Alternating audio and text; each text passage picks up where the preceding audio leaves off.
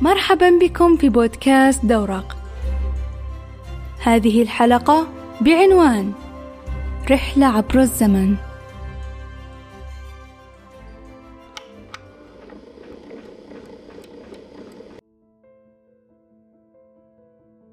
في كون وسيع يضم شعوب حضارات عادات وتقاليد تتشابه باختلافاتها من عادة واحدة تنبني ثقافة. وشوي شوي تتمدد الثقافة من حدود المنطقة للدولة للقارة وبعدها ما عاد يحدها شيء. فكل شيء في العالم بدأ من هالمنطلق وكأننا على اختلافاتنا متشابهين وبيننا حبل مخفي يربطنا ببعض. وبما أن الفضول بوابة العقل للعلوم ولولاه ما شفنا طيارة تطير ولا سيارة تسير ولا حتى حنا الآن نكتب ونقدم لكم هالحلقة. في اليوم بناخذكم معنا برحلة دافعها فضول بحت. تبدأ من أم الدنيا مصر. لحظة لحظة لحظة. قبل مصر خلونا نتخيل. لو الجامعة فرضت علينا لائحة جديدة وزبدتها أنه كل كلية لها وجبة واحدة بس كل سنوات دراستها. مثلا عندنا في الصيدلة وجبتنا مدلعيننا سوشي وفي كلية السياحة نازلين كرم ومفاطيح وكلية الترجمة كرسونات وأوملت وحركات. ونجينا لكلية الحاسب ما نعيش بالزعتر معليش قضت الميزانية وهم أكلوها فإذا واحد منا اشتهى أكلة غيره يا ويله من أحكام مجتمع ما يرحم. من الأخير قل لي وجبتك أقول لك من أنت. طيب وش دخل هذا في مصر؟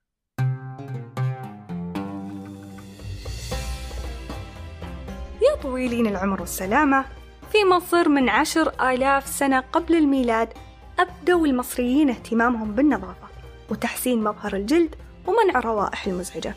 لا وحتى الحماية من الشمس الساطعة طبعا على ذاك الوقت أشياءهم على قدهم.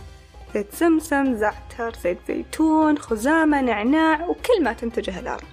وكانوا يقدسون المستخلصات العطرية بالذات في طقوسهم الدينية. ويقال أنهم أول من اكتشف خصائص الصبارة العلاجية وكانوا يسمونها نبتة الخلود. عاد يقولون كليوباترا ونفرتيتي حالفين فيها والتحكيم عليك عزيزنا المستمع.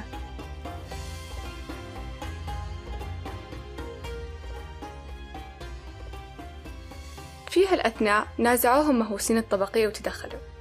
الحين كيف كلنا ريحتنا كويسة وجلدنا ناعم؟ لا معليش. فقعدوا يفكرون.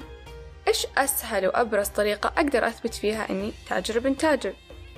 بيسكلي قرروا يلونون وجيههم. ذكورا وإناثا طبعا. الحين جاكم flashbacks صور الفراعنة؟ إي بالضبط. هذا اللي قاعدين نتكلم عنه. أبرز ما تم استخدامه في ذاك الوقت هو الكحل الأسود الدرامي بالمناسبة راعوا فيه نقطة رهيبة. ولكن خلونا نتكلم عن تكوينته شوي. هو عبارة عن مزيج من اللوز المحروق والنحاس المؤكسد والرصاص. بالإضافة للمزايا الجمالية. برايهم طبعا والطبقية اللي يضفيها هذا اللون الأسود العميق. اعتبروه عامل وقاية كبير من الالتهابات ولدغات الحشرات طبعا علماءنا ما اقتنعوا بشوية مخطوطات موجودة. لا وكانوا راحمين جهل المصريين بسمية المواد اللي استخدموها. فحللوا وأجروا أبحاثهم ولقوا أن هذه المواد مواد فعلا مضافة عمدا. لا وزيادة على أنها تكافح الطفيليات بعد تنشط الجهاز المناعي.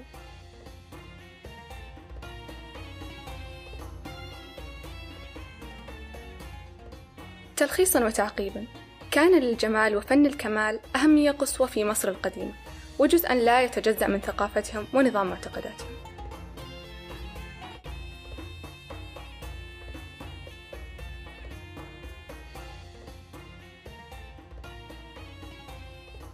نزلت المعرفة المصرية القديمة في أيدي الإغريق وتطورت. اشتهروا بحب العسل. واستخدامه في جميع المستحضرات.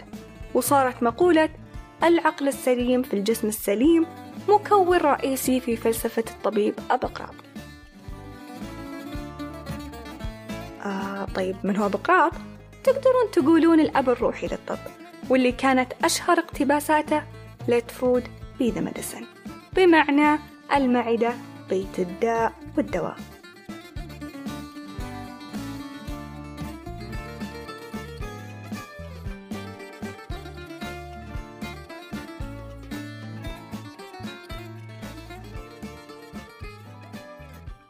طيب خلونا نلف شوي على آسيا. بالتحديد ثلاث آلاف سنة قبل الميلاد ولا زال الدافع الأول في كل هذه العادات الطبقية. في الصين استحدثوا صبغ الأظافر وكانت كل طبقة يرمز لها بلون معين. مثلا الأسرة الحاكمة كانت مشتهرة بالذهب والفضة توابعهم بالأحمر والأسود. أما عامة الشعب فلهم الله. وأكثر معلومة صدمتني هنا إن الصينيين واليابانيين هم من أوائل من استخدم الحنة لصبغ الشعر. الصراحة كنت طول عمري مقتنعة أن الحنة أساسها حنة.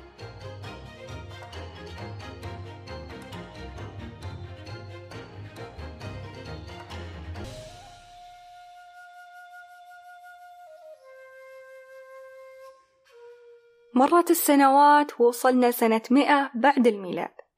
الرومانيين انبهروا بثقافة المصريين وتبنوها وركزوا بالتحديد على موضوع الروائح والجمال.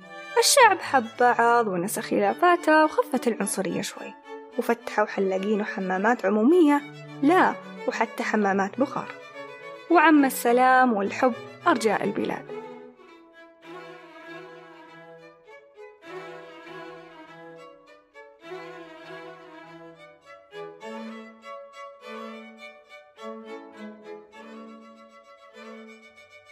طبيعة الحال دوام الحال من المحال. ابتدت العصور المظلمة وصعب إخفاء أثرها. ولوحظ من جميع الناس العزوف عن المستحضرات التجميلية بشكل خاص. وكان الشخص اللي يظهر أدنى اهتمام بنظافته أو بالمستحضرات يلاقي غضب القوم ونقدتهم. وكنتيجة طبعا انتشرت الأوبئة وبدأت الحمامات العمومية تقفل. وكانت هذه أكبر كارثة على النظافة الشخصية.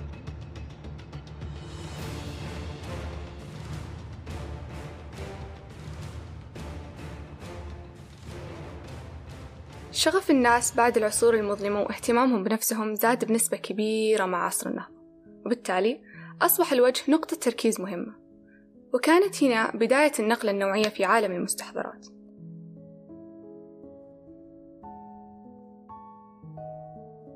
واليوم رجعت علاقتنا بمستحضرات التجميل وبالأخص بالنظافة الشخصية إلى مسارها الصحيح. وصار الطلب عليها أكثر من أي وقت مضى في تاريخنا. فمن حق كل واحد فينا العناية ببشرته وتحسين مظهره أو حتى ممكن تغييره. فما عاد صار الكحل الأسود امتياز للطبقة المخملية ولا المناكير الذهبية تدل على علو مكانتك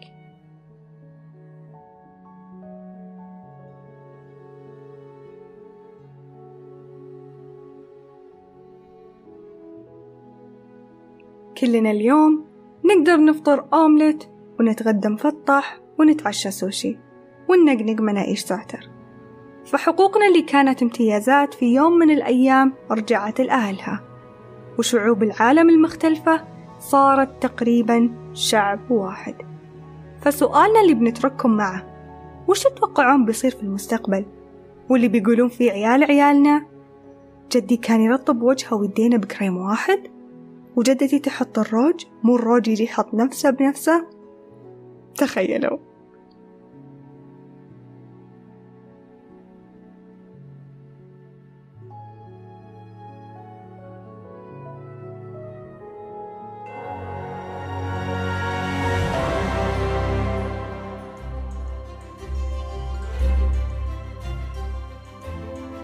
هذه الحلقة من عمل لجنة المحتوى الصوتي في مجلة نبض الصيدلة.